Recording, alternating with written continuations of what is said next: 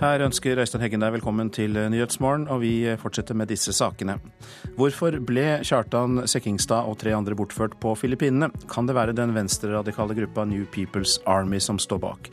Vi skal straks spørre sosialantropolog Arne Røkkum om det. Her får du også høre mer om billettsvindel på nett. Gi tid, ikke bare penger og ullgensere til flyktningene, sier leder av Flyktningmottak. Og vi skal høre at Storhamar gjør det stort i ishockeyens mesterliga. Det var mandag kveld en nordmann, to canadiere og en filippinsk kvinne ble bortført på Filippinene. 56 år gamle Kjartan Sekkingstad fra Fjell i Hordaland fungerte som leder på et eh, feriested på øya Samal. Myndighetene på Filippinene sier de ikke har noen konkrete mistenkte, men at det skal ha blitt funnet en papirlapp på åstedet som tyder på at gjerningsmennene tilhører den venstreradikale gruppen New People's Army, NPA. Arne Røkkum, du er sosialantropolog ved Kulturhistorisk museum i Oslo og har drevet feltarbeid på Filippinene i mange år. Velkommen til deg. Takk. Hvor sannsynlig er det at New People's Army står bak? Eh, det er litt vanskelig å danne seg et tydelig bilde av egentlig hva som har skjedd. For meg, som ikke har vært på Samal, så kjenner jeg ikke ordentlig til disse geografiske forholdene. Men eh, det som slår meg i utgangspunktet, er noe som jeg syns er litt underlig. Og det er transporten av gislene foregikk på eh, det som kalles en banka. Det er en utriggerbåt. Vanligvis har disse utriggerbåtene gamle eh, bensinmotorer fra biler, og de går ikke særlig fort. Slik at det første spørsmålstegnet jeg stiller meg, det er hvordan kan dette foregå? Og at de frakter gislene på denne bankaen som bare så vidt snegler seg bortover vannflata.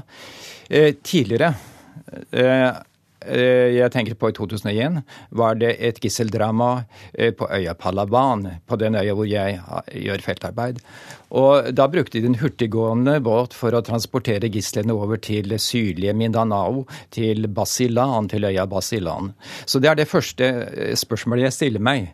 Det er tydelig at myndighetene på Samal er usikre på hva som er profilen for gisseltakerne.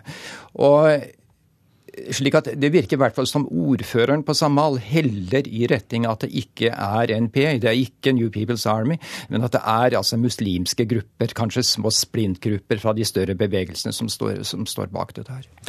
Det er altså et uh, vanskelig bilde å tolke dette her. Uh, hva kan da være La oss uh, i utgangspunktet da si at det er en mindre muslimsk gruppe som har gjort det. Så kan vi snakke litt mer om NPA etterpå. Men hvis det er en liten muslimsk gruppe, hva ønsker de å oppnå med dette? Hvis det er en liten muslimsk gruppe, eh, så ønsker de å oppnå penger for å drifte organisasjonen sin. Og de har da, i så fall så har de tilholdssted på denne, f.eks. på den øya jeg nevnte, eh, og også på andre øyer i Zulu-området, kanskje også på halvveia Samboanga, helt sør på Mindanao. Og dette er et område som grenser opp mot, kan vi si, eh, eh Indonesia og Malaysia. Slik at det er en trafikk der av kan vi si, sympatisører med disse smågruppene. Og det er det som preger kan vi si, det kan vi si, terroristbildet der. Det er at disse smågruppene de kommuniserer med grupper i Indonesia. Kanskje en av disse gruppene var den som sto bak Bali-bombingen, der det var mange liv som gikk tapt. Jeg tror det var i 2002 og, men også i, i, i, Malaysia. Slik at det er kan vi si, en internasjonal kommunikasjon rundt terrorisme. Og det som preger de små gruppene, det er at de er uenige i den fredsavtalen nå som er i emning mellom det filippinske samfunnet og de store mainstream muslimske bevegelsene på Mindanao. De er uenige fordi at de ønsker er opprettelsen av en, av en uh, islamsk stat i det sørøstasiatiske området. Og dette er nokså parallelt til ISIS i Midtøsten. Hvis vi da helt på tampen eh, bare skal eh, legge til, eh, hvis det skulle være New People's Army, altså en venstreradikal gruppe, er det noen ting som tyder på at de kan ha gjort det?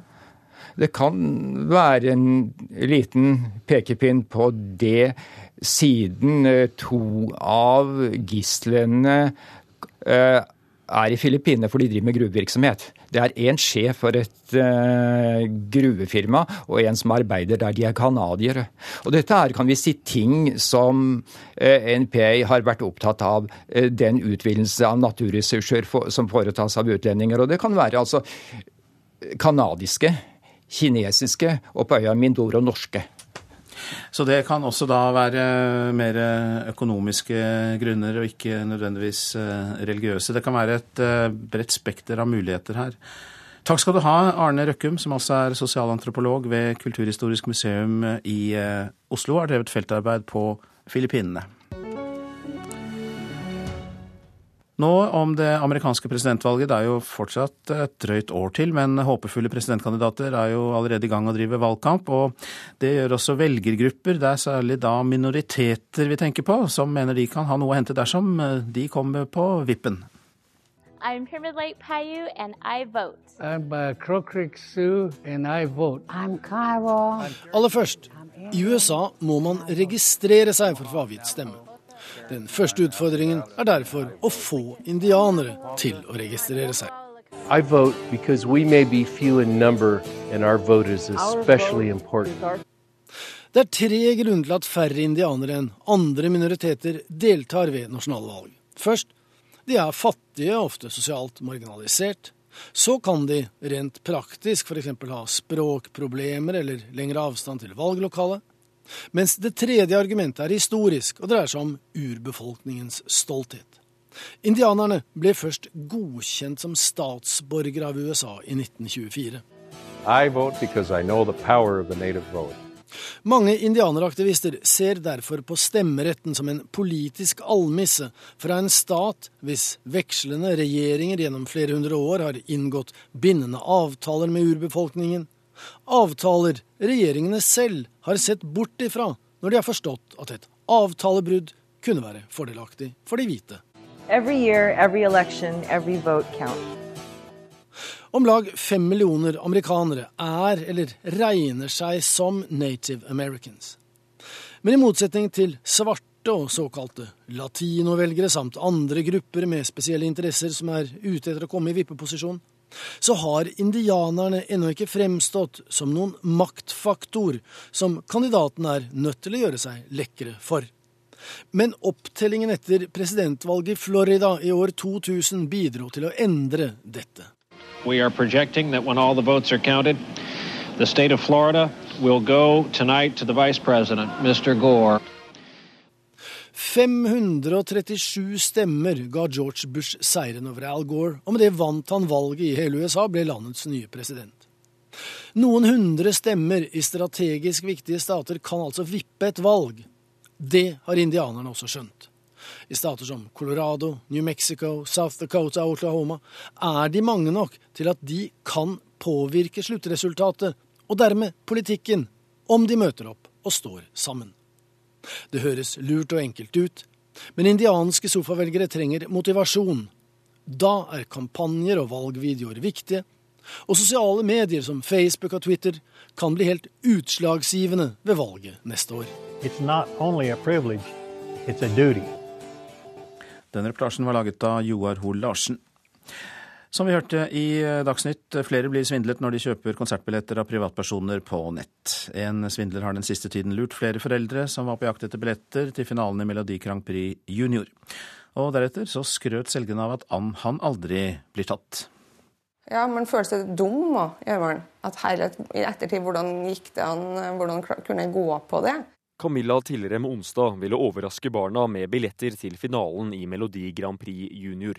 Da det ble utsolgt, prøvde hun å kjøpe billetter av en privatperson. I stedet ble hun svindlet for flere tusen kroner. Og hadde det vært noen konsertbilletter til en voksenforestilling, så hadde det vært noe helt annet. Men det her er unger som blir skadelidende. Og nei, jeg syns det er utrolig kynisk. Camilla har vært i kontakt med andre som har blitt lurt av samme mann. Et av de andre ofrene hadde truet svindleren med inkassokrav. Da fikk hun denne meldingen i retur. Purken henlegger 95 av alt mot meg. Resten blir foreldet. Har holdt på i ni år nå. Catch me if you can. Jørgen Brodal er politiinspektør i Oslo. Han frykter svindlere utnytter det faktum at sakene sjeldent blir prioritert. Vi ønsker selvfølgelig å ta tak i alle saker vi får inn, men vi må dessverre prioritere ned noe. Så det havner litt ned på lista disse her? Det gjør de dessverre, og særlig da pga. beløpets størrelse. Politiet sier de møter mange utfordringer når de jobber med svindelsaker.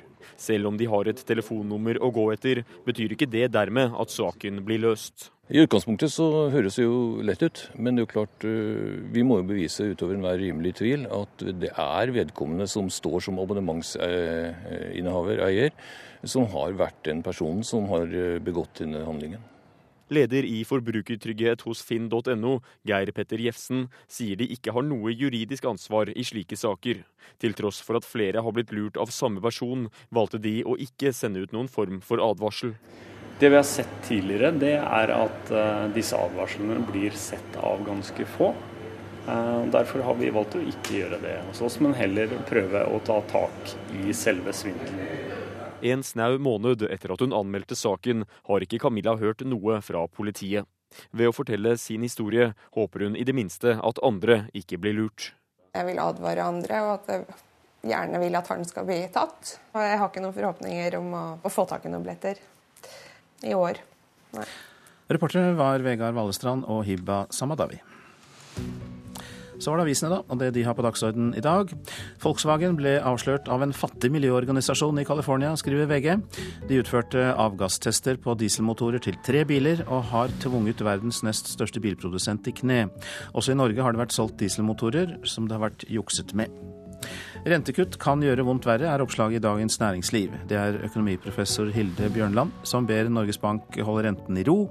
Hun frykter at en enda lavere rente kan føre til ytterligere vekst i gjeld, og at det igjen vil gjøre det tyngre å omstille norsk økonomi. 1300 alvorlige avvik, skriver Nordlys om rapportene fra pleie- og omsorgstjenesten i Tromsø kommune.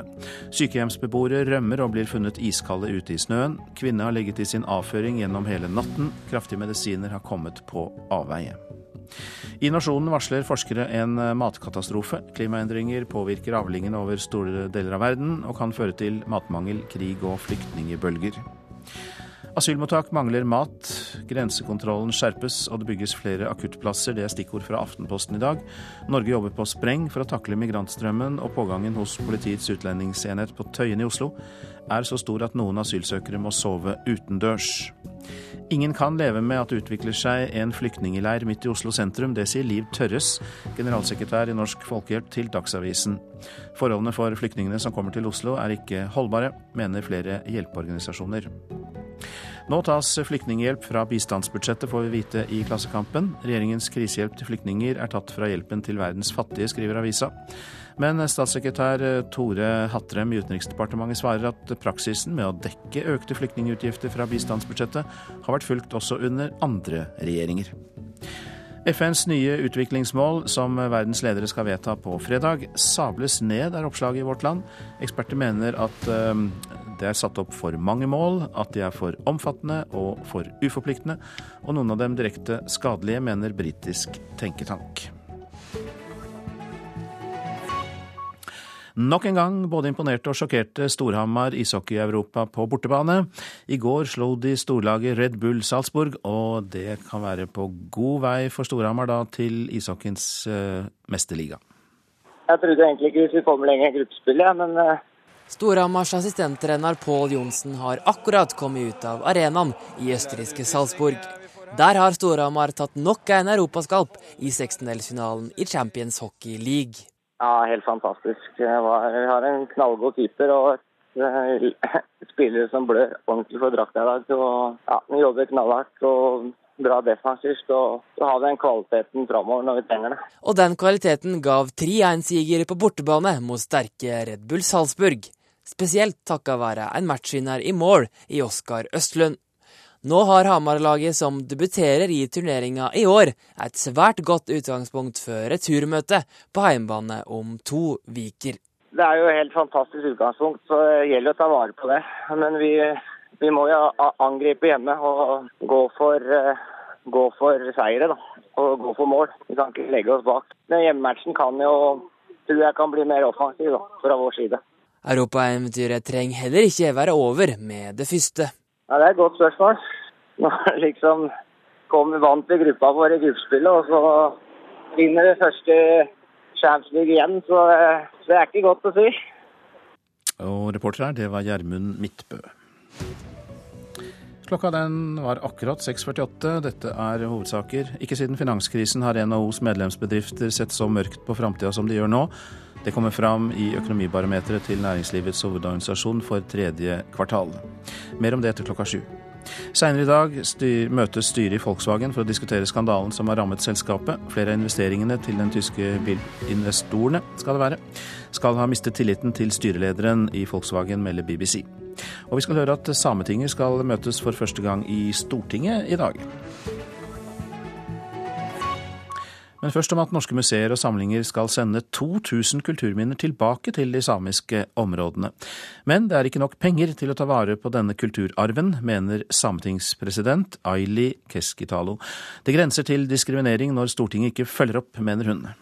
Det er uforsvarlig, sånn som eh, den samiske kulturarven blir forvalta i dag. Jeg mener at det er en, en skam for en eh, kulturnasjon som Norge. Sametingspresident Aili Keskitalo er ikke nådig i sin kritikk av storting og regjering. Grunnen til at hun er opprørt, er den nye lovteksten som gir samene og Sametinget ansvar for kulturarven. Som et viktig tiltak har Sametinget inngått avtale med Norsk Folkemuseum og Kulturhistorisk museum i Oslo om å tilbakeføre rundt 2000 kulturminner som ble hentet ut fra de samiske områdene da fornorskingspolitikken sto på som verst de her viktige kulturgjenstandene, det er noe som vi sjøl som folk skal få lov til å ta vare på. Tolv samiske museer venter på pakkepost fra Oslo. Men det kan ta tid, for før noe som helst kan sendes av gårde, er det et krav at bygninger og magasiner som skal huse kulturminnene, er i forsvarlig stand. Det er ingen museer som har driftsmidler til å kunne oppgradere museene sine for å kunne ta imot de her gjenstandene sier leder i Samisk museumslag, Mia Krog. Avtalen om tilbakeføring ble inngått i 2012, men fortsatt er det ikke forsvarlig å sende gjenstandene tilbake. Alle er jo enig i at det er en viktig sak at eh, det samiske folk skal få tilbake sin kulturarv, sånn at man kan forvalte den sjøl. Men det mangler rett og slett midler. Når det gjelder finansieringen av det, så er jo det nødt til å være et spleiselag. Svein Harberg, leder av kulturkomiteen for Høyre, kan ikke love noen midler fra Stortinget i år heller. Prislappen er anslått å være på rundt 40 millioner kroner. Alle de involverte museene må være forberedt på å bidra, sier Harberg. Sametinget får uh, mye penger fra Stortinget til å drive kulturarbeid. Uh, det har økt uh, kraftig. Og de, Det er jo en forutsetning at de også er med og bidrar til disse museenes utvikling omkring disse gjenstandene. Men sametingspresident Aili Keskitalo er klar på at museer som forvalter norsk kulturarv, får betraktelig mer midler til å gjøre det enn hva samiske museer får. Det er forskjellsbehandling, og noen ville sikkert kalle det for en så grov forskjellsbehandling at det er grenser mot diskriminering. Jeg er ganske sikker på at det er mange Eh, av de andre norske museene, som også mener at de får altfor lite penger fra Stortinget og eh, altfor dårlig behandling. Så jeg tror dette bare dreier seg om hvordan vi skal bruke de pengene vi har, på en best mulig måte og i et best mulig samarbeid. Eh, og det er jeg sikker på at vi skal få til også med Sametinget. Reporter Thomas Alvarstein eh, Ove. Og vi skal høre mer fra sametingspresident Aili Keskitalo, for i dag så skrives et nytt kapittel i Sametingets historie. De folkevalgte skal nemlig møtes til sitt første plenumsmøte på Stortinget. Sametingspresidenten håper møtet i hovedstaden blir mer enn bare en markering. Mye har skjedd i det samiske samfunnet og i det norske samfunnet siden Alta-saken, da samene demonstrerte utenfor Stortinget. Nå er vi inne på Stortinget, så noe har skjedd i løpet av de her 30 årene. 39 sametingsrepresentanter fra hele landet møtes i dag av samiske skilt rundt Løvebakken. Det har aldri skjedd før, sier sametingspresident Aili Keskitalo. Jeg syns vi er blitt tatt veldig godt imot på Stortinget. Her er det skilter på samisk, sånn at vi skal finne fram. Det samiske folk har røtter langt tilbake i historien. Det er snart 26 år siden folkekongen, som han ble kalt, holdt denne historiske talen. Forslaget om å legge Sametingets plenumsmøte til Stortinget ble lagt fram for to år siden av sametingsrepresentant Anita Ravna. Og da stortingspresident Olemic Thommessen i fjor besøkte Karasjok i forbindelse med Sametingets 25-årsjubileum, ble forslaget diskutert. Det er vel først og fremst en understrekning av et godt eh, forhold, og det, det har jo også en politisk verdi i og for seg. men eh, men først og fremst så knytter dette seg til um, jubileet. Det er det. Og for sametingspresident Aili Keskitalo håper oppsynet av samekofte i og rundt Stortinget vil skape interesse for Sametingets mange funksjoner i samfunnet. Ja, Vi håper jo at eh, vi kan være synlige til stede her i, i den norske hovedstaden. Vi håper at stortingsrepresentanter vil følge hele eller deler av våre forhandlinger. Eh, fordi Det kan jo være en god anledning for dem til å sette seg inn i aktuelle saker på Sametinget. Det var eh, sametingspresident Aili Keskitalo til reporter Allan Klo. Og for de som da vil følge plenumsmøtet som holdes i Stortinget, så kan det skje på nett. Det er da mulig å logge seg inn på sametinget.no. Og der kan du høre det som skjer eh, både på norsk og eh, samisk. 11 av 15 fylkesledere i Kristelig Folkeparti åpner for å bryte samarbeidsavtalen med regjeringspartiene allerede før neste valg, dersom partiet ikke får større gjennomslag for sin politikk. Det viser en ringerunde Klassekampen har gjort. Kristelig Folkepartis landsstyre samles til helgen for å gå gjennom valgresultatet. Partiet fikk bare 5,4 oppslutning ved kommunevalget.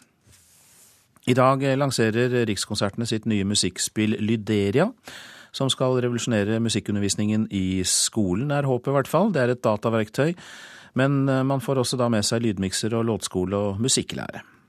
Sjuendeklassingene Jesper Leporanta og Alva Ler Christensen er da i full gang med å prøve det ut nå. Bare finne på et eller annet i starten. Mm. Halla, hva skjer da? Mitt navn er Alva. Årvoll er stedet der jeg havna. Jeg danser, synger, spiller teater og er ganske glad i Bama-salater. I dag får barn, unge og lærere over hele landet prøve det nye musikkspillet. For Riksteatrets direktør Turi Birkeland har Lyderia vært en hjertesak egentlig veldig genialt bra. Men dette er jo et stort uh, utviklingsprosjekt for oss. Det skal være så morsomt uh, og så uh, gode spillelementer at dette er noe barn får lyst til å gjøre på fritida si. Men det er også et, et, spill som er lagt tett opp mot skolens kunnskapsmål.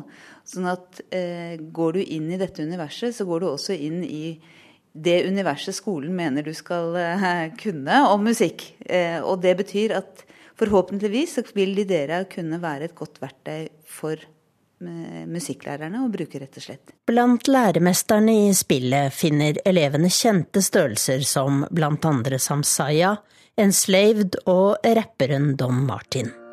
Da jeg var liten, tenkte jeg aldri at jeg var fra Oslo eller Norge. Jeg var fra min bydel, nærmere bestemt Romsås i Groruddalen. Sånn som rapper over hele verden, så har jo ikke jeg lært det på skolen.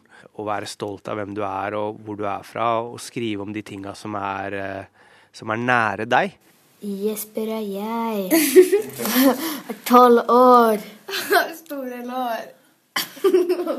jeg syns Lyderia er et sånt sted som egentlig er veldig fint for barn å ha, der du kan skri skrive dine egne låter. Du kan synge og rappe da hva du tenker og mener. Du kan danse og slippe deg fri. Og du kan løse og knekke musikkoder. Det er da syns jeg er ganske spennende. Turi Birkeland håper at lanseringen av musikkspillet i dag bare er begynnelsen til noe langt større. Jeg håper jo at vi med tid og stunder kan gjøre dette universet eh, også så stort at det omfatter de andre kunstuttrykkene. Og jeg håper jo at eh, Den kulturelle skolesekken i framtida også finnes på nettet. Og er et sted barn og unge kan gå inn og boltre seg i all slags kunstuttrykk. Reportere Espen Alnes og Tone Staude. Og mer om dette spillet kan du um, finne ut på nrk.no. Senere i dag møtes styret i Volkswagen for å diskutere skandalen som har rammet selskapet. Flere av investorene til den tyske bilprodusenten skal ha mistet tilliten til styrelederen, melder BBC. De to siste dagene har aksjene i Volkswagen falt med 35% etter avsløringene om juks med miljøutslipp på dieselmotorer. Værvarselet. Fjellet i Sør-Norge først. For det meste skyet vær, av og til delvis skyet, og det blir spredte regnbyger. Østlandet ser vi samlet. Skyet eller delvis skyet. Enkelte regnbyger, lokal morgentåke. Så går vi til Telemark og Agder. Skyet eller delvis skyet, spredte regnbyger. Vestlandet sør for Stad. Skyet eller delvis skyet, spredte regnbyger. Seint i kveld sørlig liten kuling. Møre og Romsdal skyet eller delvis skyet og spredte regnbyger. Trøndelag skyter det delvis skyet. Først på dagen litt regn i nord og i grensetraktene, ellers noen spredte regnbyger. Så var det Nordland, spredt regn, først og fremst på Helgeland og i Ofoten. Ellers lite nedbør i ytre strøk nord for Bodø, og også perioder med sol kan det bli. Troms litt regn, men i ettermiddag oppholdsvær og perioder med sol. I kveld litt regn igjen i indre strøk. Finnmark først på dagen, østlig liten kuling på kysten i øst, ellers bris. Regn av og til, lokal tåke kan det bli. Oppholdsvær eh, blir det etter hvert i Finnmark, men i kveld så blir det regn sør i fylket. Nordensjøland på Spitsbergen spredt regn, lokal tåke eller tåkeskyer. Så tar vi for oss temperaturene, og disse ble målt klokka fem i natt. Svalbard lufthavn tre grader. Kirkenes, Vardø, Alta og Tromsø, alle fire har eh, ni grader. Bodø ti, Brønnøysund tolv, Trondheim ni. Molde ti grader, Bergen-Flesland elleve, Stavanger, Kristiansand 12 grader, Gardermoen 9. Lillehammer 10 grader, Røros 3 grader og Oslo-Blindern 12 grader da klokka var fem i eh, natt. Og eh, etter klokka sju så skal vi ta inn vår eh, Asia-korrespondent for å få flere opplysninger om bortføringen på Filippinene.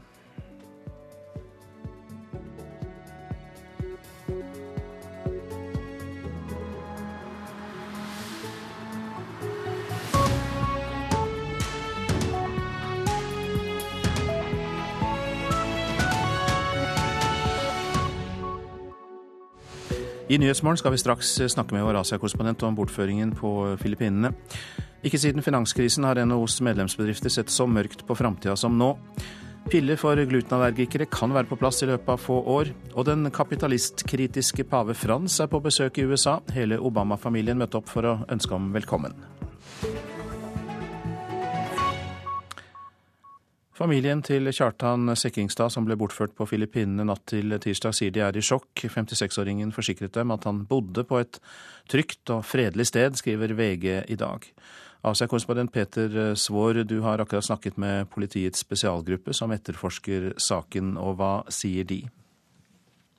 Ja, jeg var akkurat på telefonen nå med Aron Akino, som leder denne eh, spesielle etterforskningsgruppen som er kalt Ocean View.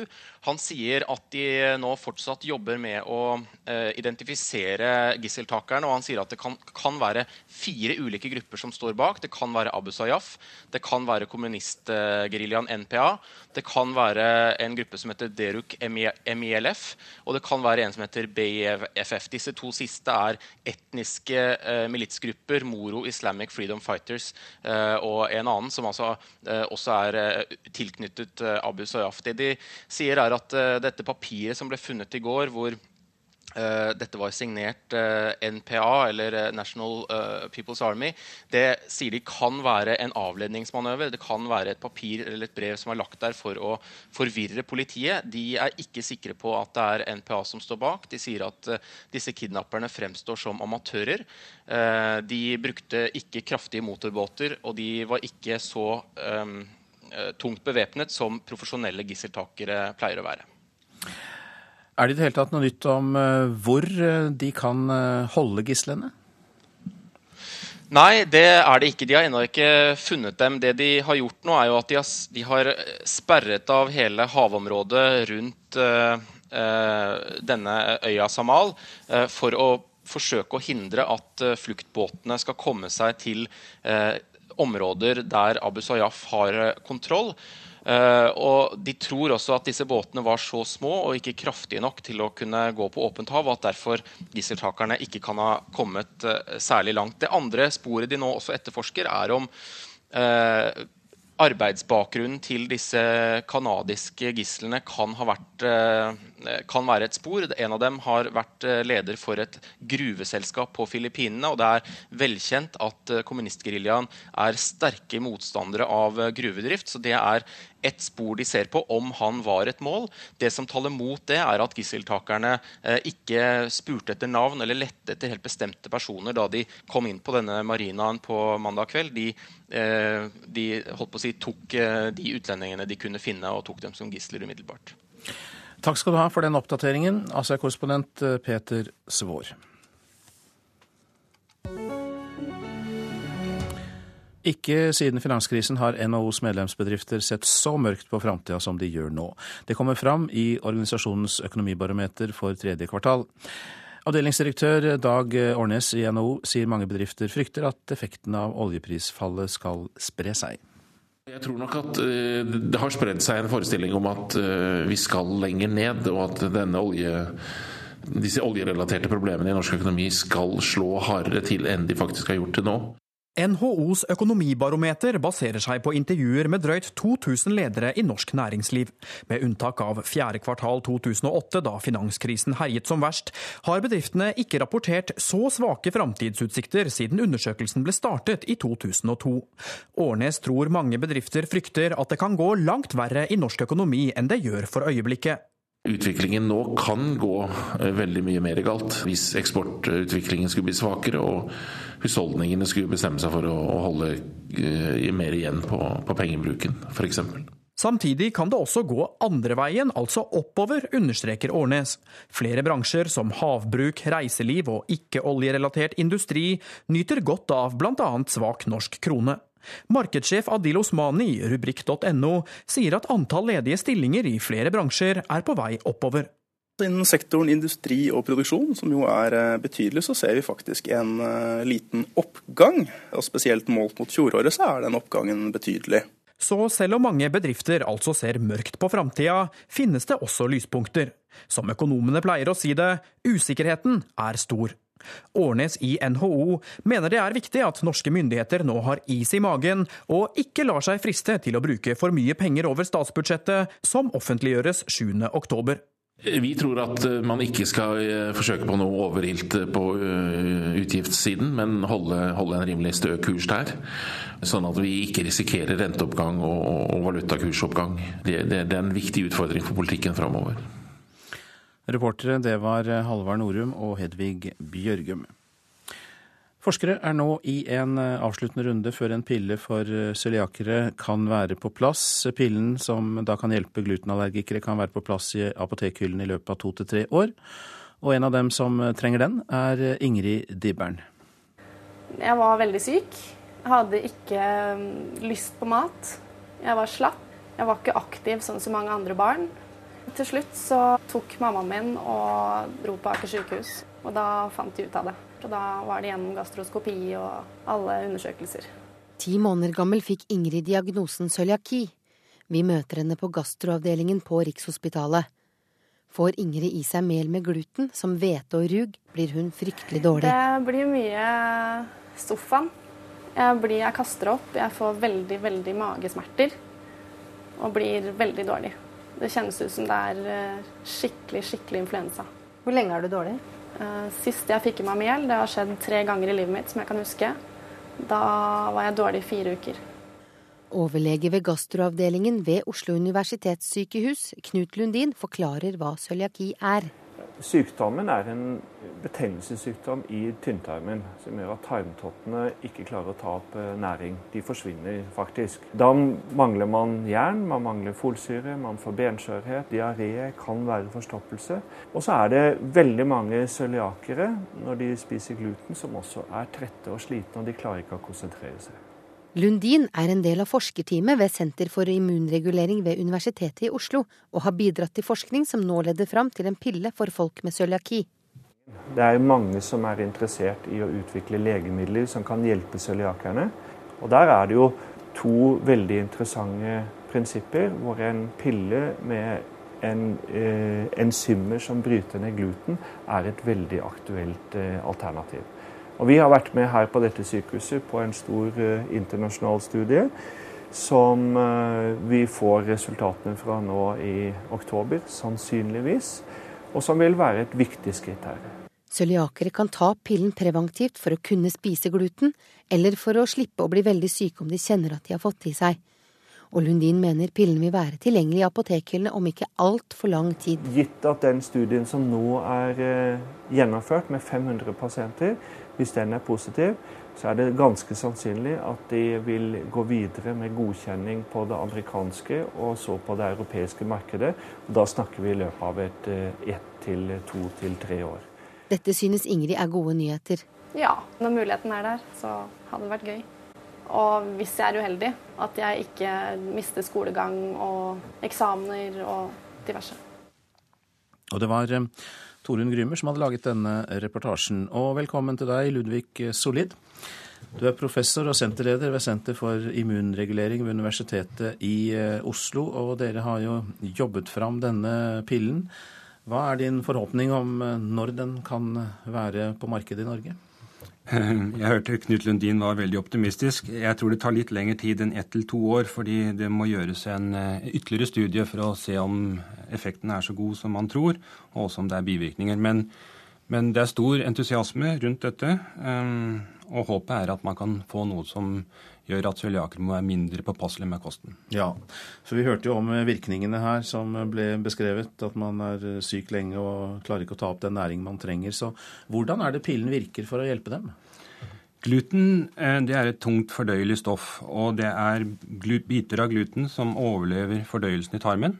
Eh, noen av kroppens forsvarsceller, CD4 T-celler, de vil gjenkjenne disse bitene og starte en betennelsesreaksjon. Og det er resultater som vi har kommet fram til i forskningsmiljøet vårt her i Oslo. Ehm, den nye pillen den består av enzymer som Knut Lundin sa, såkalte glutenaser. og De sørger for at de bitene av gluten brytes ned, slik at eh, de ikke vil stimulere disse immuncellene. Og Den ideen den kommer fra en professor på Stanford eh, University, og det er et amerikansk legemiddelfirma som utvikler den. Og Jeg har vært en rådgiver for dette firmaet, men, men utviklingen den skjer i hovedsak i USA. Men dere har jo også da vunnet eh, Jareprisen i år for forskningen deres og holdt på med dette en god stund. Hvor lang tid har det tatt å komme fram til denne pillen?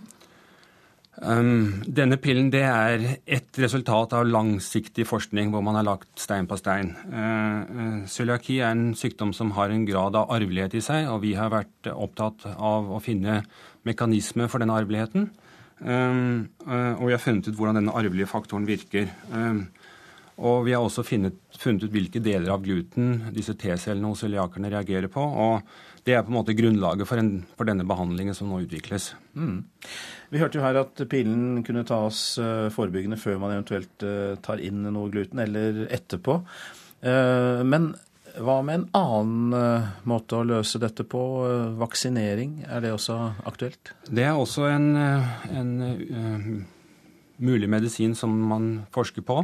Tanken er at man skal gi glutenpeptider i huden og, og sørge for at uh, immunsystemet uh, etterutdannes, slik at de ikke vil reagere hissig på disse glutenpeptidene, og at man således kan få en vaksine.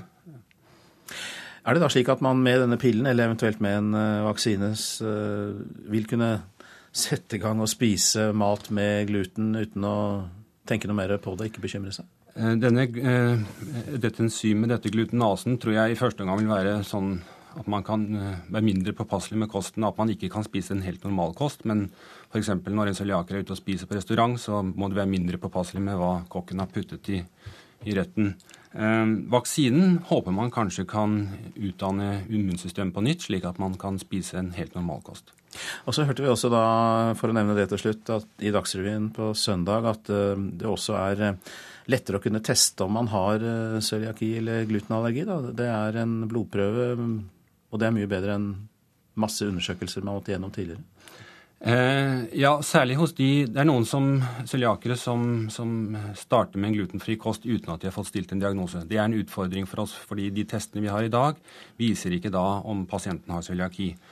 Disse CD4-T-cellene som jeg nevnte, de mangfoldiggjøres hos en cøliaker. Og vi kan oppdage de med et spesielt reagens i en blodprøve. Og vi ser de også hos eh, personer som spiser lite gluten, cøliakere som spiser lite gluten. Og håpet vårt er at denne testen kan stille diagnosen cøliaki hos eh, pasienter som også spiser glutenfri kost, uten at de må gjennom en glutenprovokasjon og en tarmbiopsi. Da oppsummerer jeg slik, Ludvig eh, Solli, eh, i all enkelhet. Det er snakk om en pille, det er kanskje snakk om vaksine, og det er snakk om en prøve som gjør det enklere for glutenallergikere. Tre, tre positive ting. Ja. Takk skal du ha for at du kom til Nyhetsmorgen. Du er altså da professor, senterleder ved Senter for immunregulering ved Universitetet i Oslo, Ludvig Solli. Takk skal du ha. Politiet vil eh, tiltale 13 personer for tvangsarbeid og menneskehandel eller medvirkning til det i butikkjeden Lime. Det melder Aftenposten. Åtte av de siktede er eh, nært knyttet eh, til i samme familie, og statsadvokaten bestemmer nå om det skal tas ut tiltale. Historien handler om familien Hussein som utfordret etablerte dagligvarebutikker da de opprettet kjeden Lime i hovedstadsområdet og Vestfold. Folk fra Pakistan og Nepal skal ha blitt hentet til Norge for å jobbe i butikkene, men ifølge politiet tvunget til å oppta lån og betalt luselønn for lange dager, blant annet. For ett år siden aksjonerte 280 personer fra politi, Kripos, Økokrim, Nav, skatteetaten, tollvesenet, Utlendingsdirektoratet og næringsetaten i Oslo mot Lime-kjeden. 13 personer er siktet for menneskehandel eller medvirkning til det, sier politiadvokat Anja Perminov Stenersen til Aftenposten. Blant dem er en advokat og en lege. Politiets forslag om tiltale er nå sendt statsadvokaten. Men tidligere har flere av advokatene uttrykt at de tar beskyldningene mot deres klienter med stor ro. Og til Aftenposten i dag sier advokat Fridtjof Høyt på vegne av en klient at politiet har gått hardt ut i saken. Ingen av de siktede skal ha erkjent straffskyld. Reporter Hedvig Bjørgum. Du lytter til Nyhetsmorgen, og klokka den nærmer seg 7.18. Dette er eh, noen av hovedsakene i dag. Ikke siden finanskrisen har NHOs medlemsbedrifter sett så mørkt på framtida som de gjør nå. Det kommer fram av økonomibarometeret til eh, Næringslivets hovedorganisasjon for tredje kvartal. Det kan altså komme, som vi nylig hørte, en pille på markedet som vil hjelpe folk med cøliaki i løpet av to til tre år. Og eh, det vil eh, kunne hjelpe dem til å kunne innta noe glutenholdig mat. 11 av 15 fylkesledere i Kristelig Folkeparti åpner for å bryte samarbeidsavtalen med regjeringen allerede før neste valg, dersom partiet ikke får større gjennomslag for sin politikk. Det viser en ringerunde Klassekampen har gjort. Hele den amerikanske presidentfamilien var til stede da pave Frans landet i USAs hovedstad i går. Paven har uttalt seg kritisk om kapitalismen, forbrukersamfunnet og global oppvarming. Likevel så har flertallet av USAs katolikker et positivt inntrykk av paven.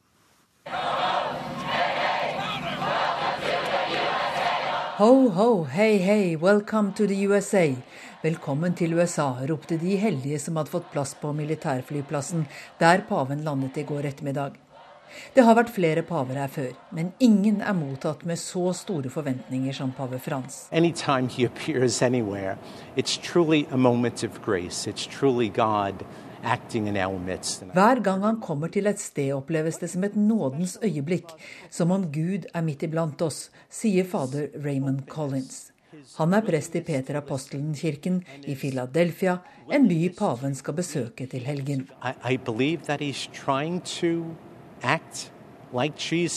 Jeg tror han forsøker å handle som Jesus, virkelig. Han prøver å åpne kirkens sjel overfor så mange som mulig gjennom den han er. Han er en helende pave, mener fader Collins. Og det kan trengs. For selv om den katolske kirken med sine 68 millioner registrerte medlemmer er det suverent største kirkesamfunnet i USA, så er det også den kirken som raskest mister medlemmer. De mange pedofiliavsløringene kombinert med enorm fokus på abort og kampen mot likekjønnede ekteskap har bidratt til det. Her på østkysten og nord i landet holdes det ofte messer for nesten tomme gudshus mens innvandrere fra Latin-Amerika bidrar til å fylle kirkene i sør og i vest. For noen uker siden ga pave Frans samtlige prester fullmakt til å tilgi kvinner som har tatt abort. Tidligere har det vært forbeholdt noen få. Søster Jean Taraborelli i Petra Apostelkirken i Philadelphia mener det var på tide.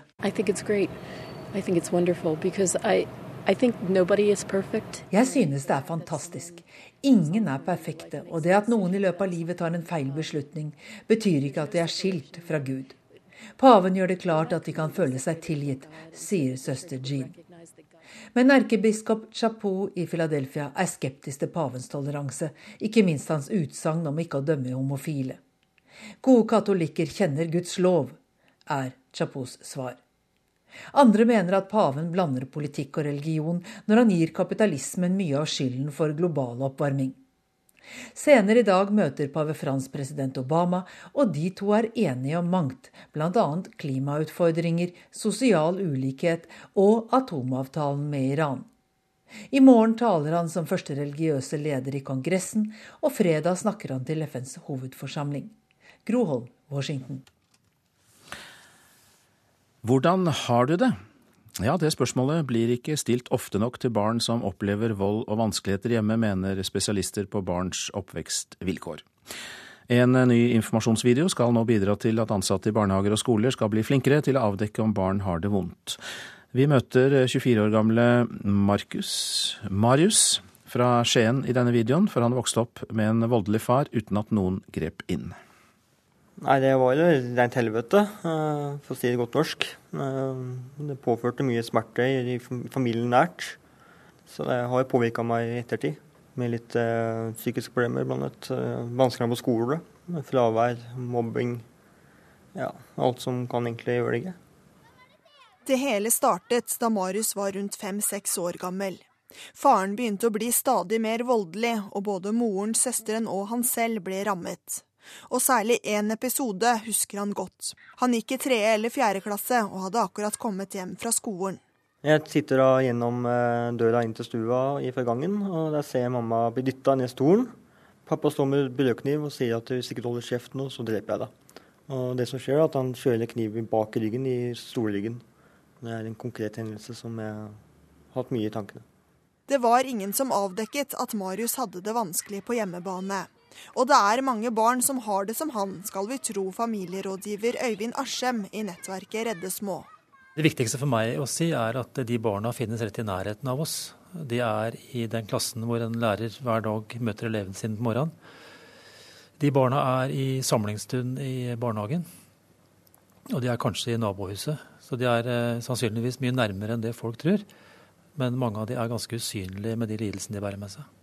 Hilde Jeanette Løberg, spesialkonsulent i Kompetansesenteret for rus, har bl.a. som oppgave å lære opp ansatte som jobber med barn i kommunene.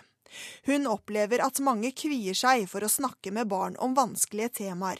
Ja, de sier det litt, og det er jo litt sånn underlig når man tenker at eh, ansatte i barnehager og skoler egentlig snakker med barn hver dag, men litt om disse her temaene som kan være litt sånn ubehagelige, og unger som man kanskje er litt bekymra for, og som vekker et sånn uro i magen, de blir man veldig usikre på hvordan skal vi gå fram i det. Um, så tror jeg at veldig mye av det handler om at fagfolk har egne barrierer. At fagfolk syns det er vanskelig å snakke med barn om de tinga her. Eh, og når vi spør de om det, så sier de jo nettopp at det er det det er. da. Og de er redd for å gjøre ting verre. De er redd for at når de snakker med barn, så vil det gjøre vondt verre for barn. Men det gjør sjelden situasjonen vondt verre å blande seg inn, forteller Løberg. For barn så er det mye verre å leve med ting de er bekymra for, enn å snakke om det. Eh, og vi sier at for barn så er det jo delt smerte halvert smerte. Og Derfor så tenker jeg at vi må bli modigere og vi må bli flinkere til å snakke med barn på et tidlig tidspunkt. Så ikke de går gjennom hele barnehagen, hele skolen og oppover og opplever at voksne ikke har snakka med dem. Nå har Korus laget en kompetansevideo som skal vises for ansatte som jobber med barn, slik at de skal bli flinkere til å prate med dem. I videoen forteller bl.a. Marius om hva han har opplevd. Fokuset mitt er en måte at det er en informasjonsfilm på at voksne skal tørre å være litt mer frampå, litt mer konkrete. Eh, tørre å være litt tøffe. Med å kanskje fange opp barn og ungdom i tidligere fase enn det, det jeg blei. Reporter er Jannike Møller Andersen. Så en titt på avisene. Eh, Volkswagen ble avslørt av en fattig miljøorganisasjon i California, skriver VG. De utførte avgasstester på dieselmotorene til tre biler, og har tvunget verdens nest største bilprodusent i kne. Også i Norge har det vært solgt dieselmotorer som det har vært jukset med. Rentekutt kan gjøre vondt verre, er oppslaget i Dagens Næringsliv. Det er økonomiprofessor Hilde Bjørnland som ber Norges Bank holde renten i ro. Hun frykter at en enda lavere rente kan føre til ytterligere vekst i gjeld, og dermed gjøre det tyngre å omstille norsk økonomi. 1300 alvorlige avvik, skriver Nordlys om rapportene fra pleie- og omsorgstjenesten i Tromsø kommune. Sykehjemsbeboere rømmer og blir funnet iskalde ute i snøen. Kvinne har ligget i sin egen avføring gjennom hele natten, og kraftige medisiner har kommet på avveie. I Nasjonen varsler forskere en matkatastrofe. Klimaendringer påvirker avlingene over store deler av verden og kan føre til matmangel, krig og flyktningbølger. Asylmottak mangler mat, grensekontrollen skjerpes og det bygges flere akuttplasser. Det er stikkord fra Aftenposten i dag. Norge jobber på spreng for å takle migrantstrømmen, og pågangen hos Politiets utlendingsenhet på Tøyen i Oslo er så stor at noen asylsøkere må sove utendørs. Ingen kan leve med at det utvikler seg en flyktningleir midt i Oslo sentrum, sier Liv Tørres, generalsekretær i Norsk Folkehjelp, til Dagsavisen. Forholdene for flyktningene som kommer til Oslo er ikke holdbare, mener flere hjelpeorganisasjoner. Og nå tas flyktninghjelp fra bistandsbudsjettet, får vi vite i eh, Klassekampen, mens Utenriksdepartementet svarer at det har skjedd tidligere, også under andre regjeringer. Flyktningsituasjonen i Europa fører til at flere ønsker å hjelpe flyktninger. Finn en venn er et tiltak startet av voksenopplæringen i Kristiansund, og de merker pågang fra de som vil hjelpe. Jeg ser jo behovet. Jeg føler jo at folk snakker veldig mye om at de ikke blir integrert rundt omkring. Tenker Jeg at jeg ser litt på det som min jobb å være med på den biten der. De trenger å lære seg å snakke norsk i praksis. Rigmor Dyrnes er en av dem som har meldt seg som venn. Hele familien har blitt venn med en flyktningfamilie. De har vært på turer og spist middag sammen. Første gang jeg skulle be den familien på middag, så, så grudde jeg meg litt. Så hva skal jeg gjøre nå? Skal jeg være liksom fancy? Hva liker de? Hva spiser de? Sånn. Så snakka jeg med henne på telefonen, og så, og så Vi spiser veldig mye fisk, da. Eh, og det, det hadde de aldri gjort før. De har aldri spist fisk. Så tenkte jeg ok, da kjører vi hverdagsmat. Så lager vi seibiff og så inviterte jeg ei en stund før, så hun kunne være med og lage maten. Uh, og hun syntes det var kjempespennende. Ingen av barna heller spist fisk, men uh, resultatet etterpå at de, ungene ville ha mer fisk. Og så enkelt og så greit. Og de var kjempehygg, det var kjempehyggelig, og de var kjempeglade. Så det, det, skal ikke noe mer til. Vi skulle lage middag likevel, så Føler du at du klarer det? Få til bitte litt mer integrering? Ja, absolutt. Det er viktig å også lære språket når vi er sammen med de andre som er Vi bruker bare morsmålet. Sammen med oss sitter Anissa Ali, som er 22 år fra Somalia, bodd i Norge i tre år. Nå har hun fått kontakt med ei norsk dame, en venn som betyr mye for henne. Vi går på tur, snakker. Jeg vil ikke bruke hver gang tolk, så jeg vil ta utdanning. Nå får hun hjelp av sin norske venninne og flere for å øvelseskjøre for å ta førerkort. Hun vil bidra og jobbe ved siden av skolen. Jeg jobber uh, Roskilde sykehjem som tilkallingsvikar, og så har jeg jobbet uh, Tornhotell. Og det var uh, Anne Marie Flatseth som hadde laget denne reportasjen. Du lytter til Nyhetsmorgen, produsent i dag Elise Heisel Asbjørnsen, her i studio Øystein Heggen. Det er ikke alltid like lett å være Donald Trump når han skal finne musikk til valgkamparrangementene sine. Mer om det kan du høre Dagsnytt, etter Dagsnytt klokka 7.40. Og I Politisk kvarter er byrådssamarbeidet i Bergen et av temaene. Det blir også diskusjon om velferdssamfunnets bærekraft og pensjonssystemet.